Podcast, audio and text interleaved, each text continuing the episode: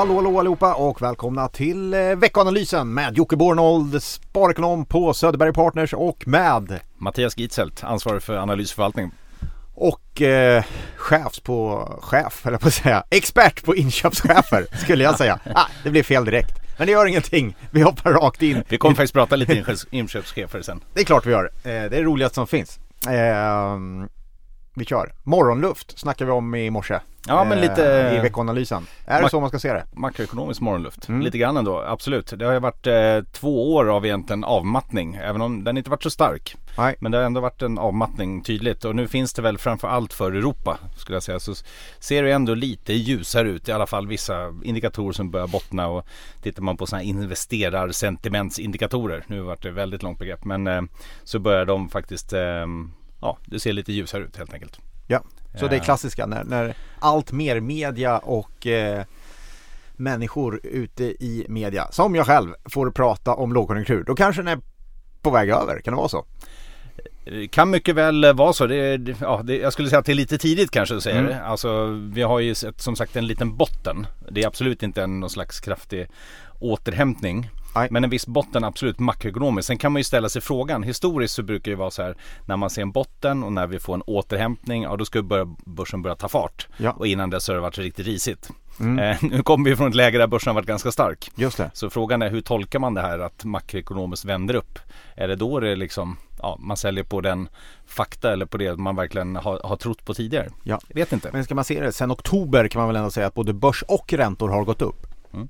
Ska man se det som ett tecken på att investerarna är mer positiva till ekonomin? Att det är därför de stiger eller? Absolut. Det är alltså framförallt i och med att eh, centralbankerna har bytt spår lite grann och blivit återigen mer stimulativa. Ja. Så har man ju prisat in ett ljusare scenario och sen kommer det väl till det här, det si- sitter i bakhuvudet lite att eh, presidentval nästa år, det kanske kommer nya eventuellt små finanspolitiska stimulanser i USA. Eh, vi hade ju tidigare under året bland annat att eh, kinesisk kredittillväxt tilltog vilket man ja, trodde då skulle leda till att även riktig hårddata i Kina faktiskt skulle förbättras. Nu har den inte riktigt gjort det men det är liksom mycket förhoppningar om att det ska bli bättre framöver. Och tittar man nu på till exempel det här Citigroups överraskningsindex som finns så har det stigit. Eh, Data kommer faktiskt ut lite bättre än vad som har varit förväntat. Mm. Och det, det har vi inte sett tidigare så det, det är väl positivt. Eh, och inte minst också när, om vi ska prata lite rapportsäsong lite senare kanske att man, man tog ut rätt mycket och var rätt negativ inför den men det Ja. kanske inte blev så farligt den här Nej. konjuturdalen. Eh, frågan är, är inprisat? Ja. Det är ju den stora frågan. Vi återkommer till det lite grann. Ehm, några gröna skott i kinesisk ekonomi också. Inte Mm. riktigt sådär mörkt kanske va? Nej, alltså det finns eh, som sagt lite små signaler finns det överallt. Ehm, inköpschefsindex för kinesisk tillverkningssektor, absolut, bottnar ur lite grann här i slutet på sommaren. Ehm, sen har vi inte riktigt fått den här återhämtningen ändå i riktig hårddata, men absolut, det, det ser lite bättre ut där, där också. Eh, och naturligtvis om det skulle bli bättre i Kina så ska ju det återspegla sig väldigt mycket i Europa. Eh, Och det är väl egentligen det vi lyfter fram i veckoanalysen också att just i Europa så har det ju varit väldigt, väldigt negativt för tillverkningssektorn. Ja. Och eh, skulle det här sprida sig med lite mer positivt sentiment ja, eh, och kanske att handelskriget framförallt inte blir värre. Ja, då, då gynnas ju de här lite mer cykliska ekonomierna som den europeiska. Ja. Eh, tysk data, lite bättre sista tiden eller?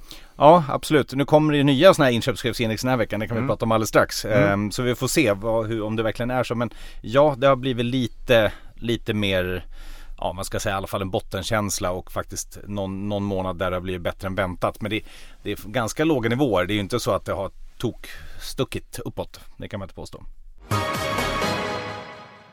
Med här är också riskaptiten tillbaka. Vi sa det, börsen upp eh, eh, en, en hel del eh, och tittar man på eh, den eh, klassiska mätaren på riskaptit kanske, VIX-index, så, så är det ju upp, då ska inget gå ner eh, någonsin längre känns det som. Den, nästan. Nej. den är på väldigt låga nivåer. Skräckindex, ska vi förklara det kanske? Ja absolut. VIX-index är det som man ofta lyfter fram. Eh, det är ju en, ett amerikanskt index och det kallas ibland för skräckindex, ibland för Mm. skrämselindex och det är ja, alla möjliga. Men det är, det är ju ett mått Ett, på rubrik, riskaptit. ett rubrikvänligt index. Väldigt populärt i media. Ja. Att, eh, och det är ju naturligtvis så att man brukar ju säga när risken är låg så eh, ja, då ska ju risken vara låg på marknaden. Men faktiskt historiskt har det visat sig när det här indexet är på låga nivåer, det vill säga när det faktiskt mäter att, eh, ja, att man i optionspriser prissätter liksom låg risk. Ja, då är det ju normalt en risk för, för att det ska gå ner också.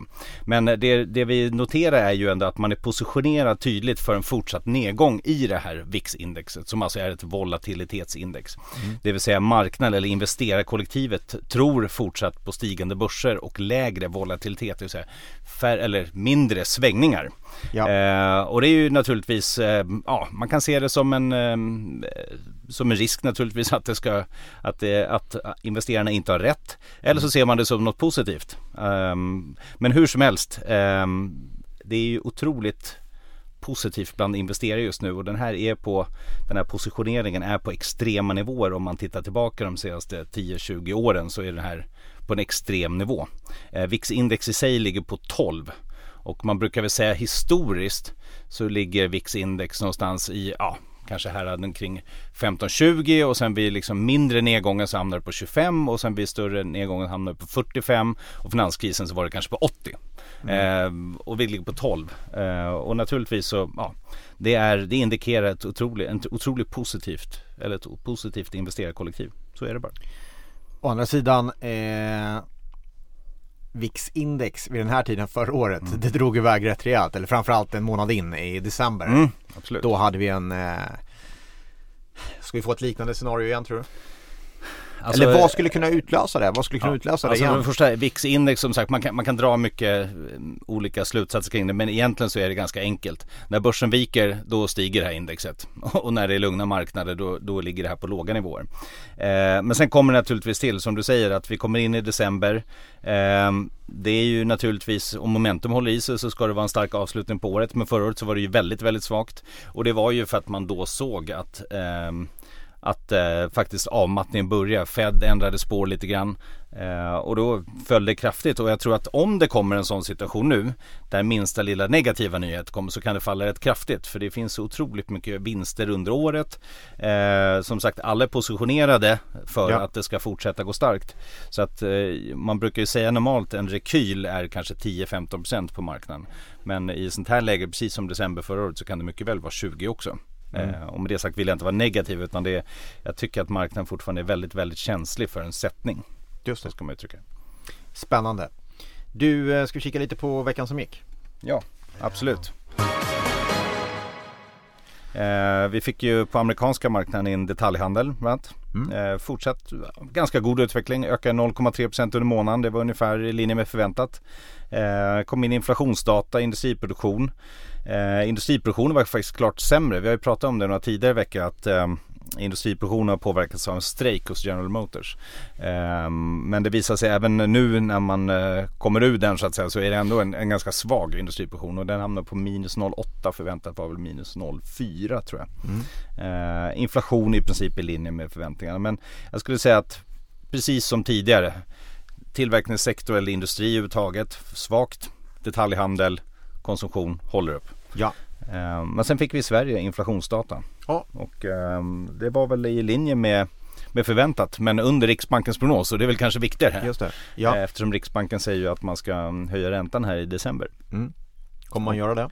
Eh, det tror jag man gör. Ja. Eh, dels har man ju lite grann krattat manegen för det här. Alltså, ja, det, var det ganska tydlig med att man vill göra det? Ja, ja. Eh, så det kommer man göra och dessutom fick man ju lite stöd där förra veckan av att arbetslösheten kom in och där har vi också pratat om att det har varit ett mätfel i, i CBS ja, när de mäter arbetslösheten eller data.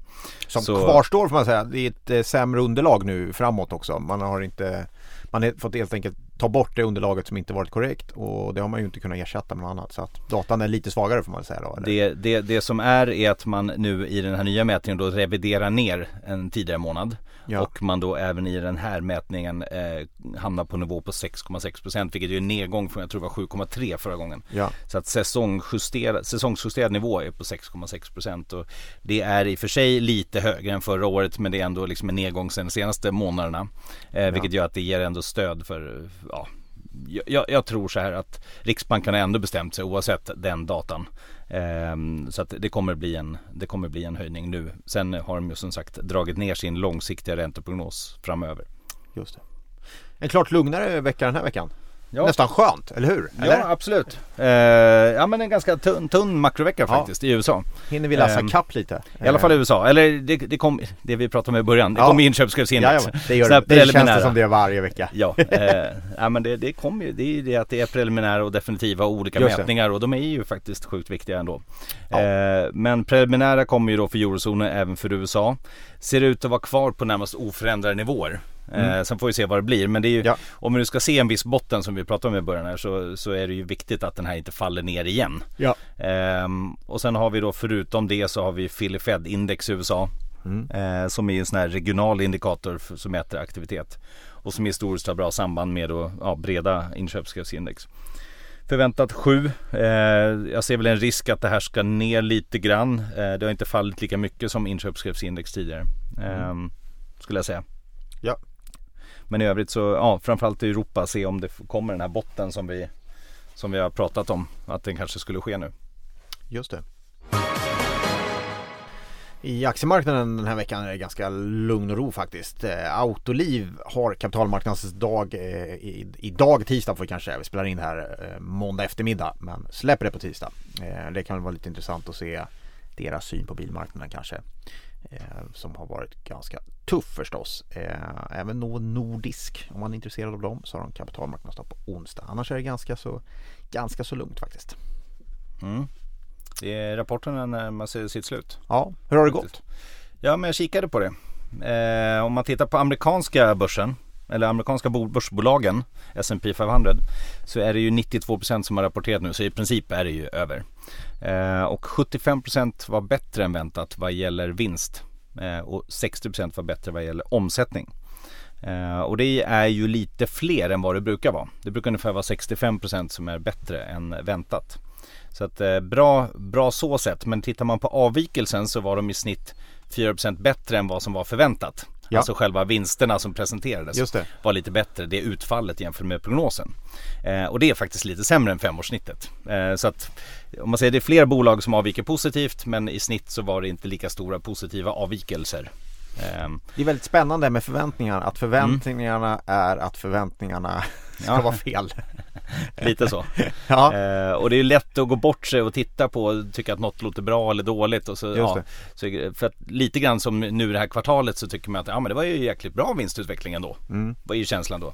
Ja men hur mycket steg vinsterna under Q3 då? ja, Ja de var ner 2,3% sen förra kvartalet. just det. Så att de var ju faktiskt, alltså de var bättre än väntat men förväntningarna var så låga. Eh, så att de här minus 2,3 var ju bättre än de förväntade om det var 4 Just i nedgång. Eh, så att negativ vinsttillväxt under kvartalet och det är ju faktiskt tredje kvartalet i rad som de amerikanska bolagen kommer med negativ tillväxt för kvartalet då. Och det är första gången sedan inledningen 2016. Ibland kan jag tycka att vi stirrar oss lite blinda på de här förväntningarna. Ja, Eh, absolut. Jag, jag, jag kan önska och jag tycker att vissa Mm. eh, Vissa ti- tidningar är bättre än andra på att faktiskt skriva Mm. resultatutvecklingen. Mm. Från kvartal till kvartal eller Ja. jämförande år eller eh, Och det där kan man ju tänka på lite själv också. Att Mm. inte glömma bort det. Att ja, förväntningarna är all ära men ha koll på de, på de riktiga siffrorna. Vad det är som händer. Ja. Eh, så att du inte stirrar dig blind. Just det här som du säger nu att man eh, kanske uppfattar någonting som mer positivt än vad det är och så vice versa till exempel. Ja och sen framförallt, alltså egentligen varför är det intressant? Jo det är för att vinsttillväxt är det som ska driva börsen på sikt. Och det är det som ligger till grund för alla värderingar. Ja. Eh, Så tittar man till exempel på det amerikanska P talet idag som ligger på 17,5. Just det. Ja, är de här vinstförväntningarna lite fel? ja, då, då är ju värderingen mycket högre egentligen. Ja, Eh, och det, det är ju lätt att glömma bort också. Värderingen är ju idag lite högre än både femårssnitt och tioårssnitt till exempel. Ja. Och det gör ju också som jag sa förut, det är lite känsligt för negativa nyheter. Skulle räntorna komma upp eller skulle vinsterna bli mycket sämre av något skäl, ja då ser värderingarna höga ut. Men det är ju Just inte i linje med vad vi hade till exempel 9900 teknologibubblan, då hade vi P-tal på liksom 40. Nej, men, Ja. ja. jättehögt. Eh, Men ändå, ja, man ska komma ihåg ändå att vinsttillväxten är negativ. Och faktiskt också, man brukar ju eh, titta på hur bolagen guidar, alltså vad är mer för utsikter framåt i USA. just det. Eh, Då är det 60 bolag som har negativ sån här guidning och 27 positiv. Ja. Så att det är fler som är lite mer negativa framöver. Eh, så det är lite intressant, man gör ju mycket mer statistik på det här i USA. Ja. I Sverige är det vissa som sammanställer det här och jag har tyvärr ingen sammanställning men jag tycker det är lite intressant, de mäter ju allt. Mm. Det är till exempel så här en fråga, så här, hur ofta nämns ordet tariffer? Eller så här, tulltariffer i, i rapporten? Ja det är 130 stycken den här gången, förra Ja. gången var det 139. Ja. Eh, där kan vi faktiskt se en trend hur ofta nämns hållbarhetsfrågor. Mm. Det är någonting som har spikat rakt upp i amerikanska eh, conf calls. Eh, där man också mäter hur mycket det pratas om det på eh, amerikanska eh, telefonkonferenser eh, i, samma, i samband med Det är ganska intressant faktiskt. Det finns en, en, någon slags Greta-effekt där borta. Att det Ja. pratas enormt mycket om det. Vilket det tidigare egentligen aldrig gjorts faktiskt. Eh, Så det är intressant. Det händer massor, det kommer hända massor även denna vecka säkert. Är vi nöjda så? Känner oss tror klara? det. Ja. Vad bra, då, då gör vi så här. Då stänger vi butiken för den här gången och så hörs vi nästa vecka. Ha det gott! Svärd det dödar Så var ni era kära mödrar Och var ni era fäder med Därför partypatrullen och kräver det Och våga inte stå där stilla med benet på väggen Stå där och chilla Då kommer discosnuten Bötfälla dig Asexuell, straight eller transa. Och vi ska upp bland molnen Varannan dag men alltså en skål sen. Vi ska twista till svetten Lackar till polisen, juristen och rätten backar. Skiter i tiden och vad klockan slår När vi revar hela dygnet så långt vi förmår.